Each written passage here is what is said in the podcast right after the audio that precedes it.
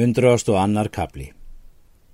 Guðleifur leitar nú galdra hérins og finnur hann á heiðinni og eldir hann ofan að Kerlingardals á og komst í skotfæri við hann og skýtur til hans spjóti og í gegnum hann.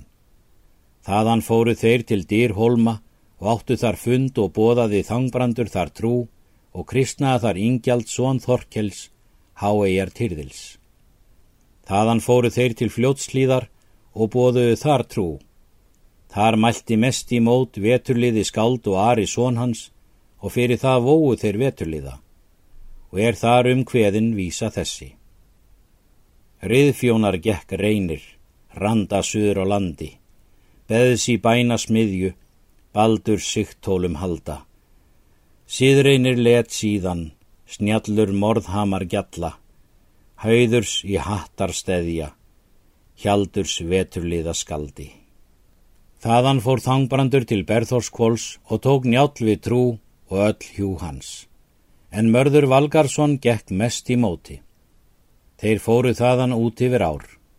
Þeir fóru í Haukadal og skýrðu þar hall og var hann þá þrevetur. Þaðan fóru þeir til Grímsnes.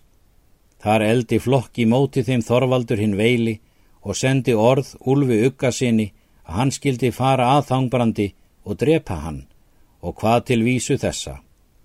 Yggs bjálfa mun ég úlfi, endilsum bóð senda, mér yfir stála stýri, stugglöst síni ugga, að gní skúta geitis, goðvark fyrir argan, þann er við rögnum regnir, reki hann en ég annan. Úlfur Uggason hvað aðra vísi móti.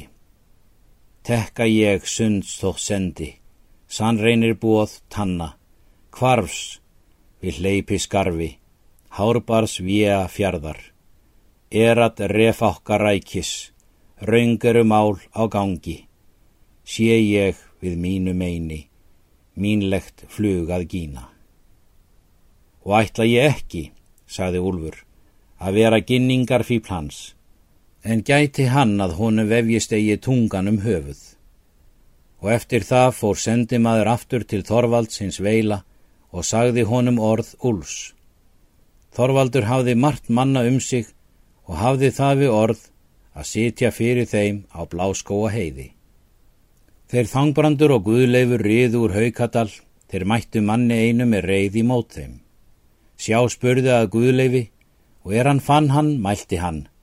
Njóta skalt þú Þorgils bróður þíns á reykjahólum að ég vil gera þér njóst að þeir hafa margar fyrir sátir og það með að Þorvaldur hinn veili er með flokksinn við hestlæk í Grímsnesi.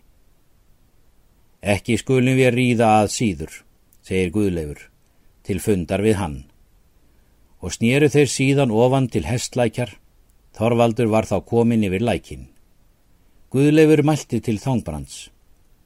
Hér er nú Þorvaldur og hlaupum nú að honum.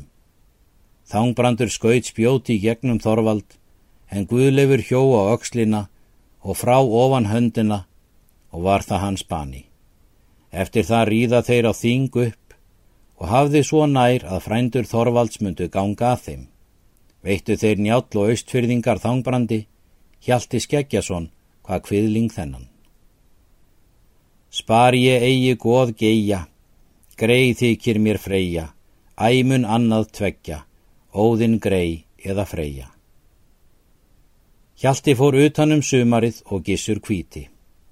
En skip þangbrands braut austur við Búlandsnes og hétt skipið vísundur. Þangbrandur fór allt vestur um sveitir. Steinun kom í mótónum móðir skaldreps.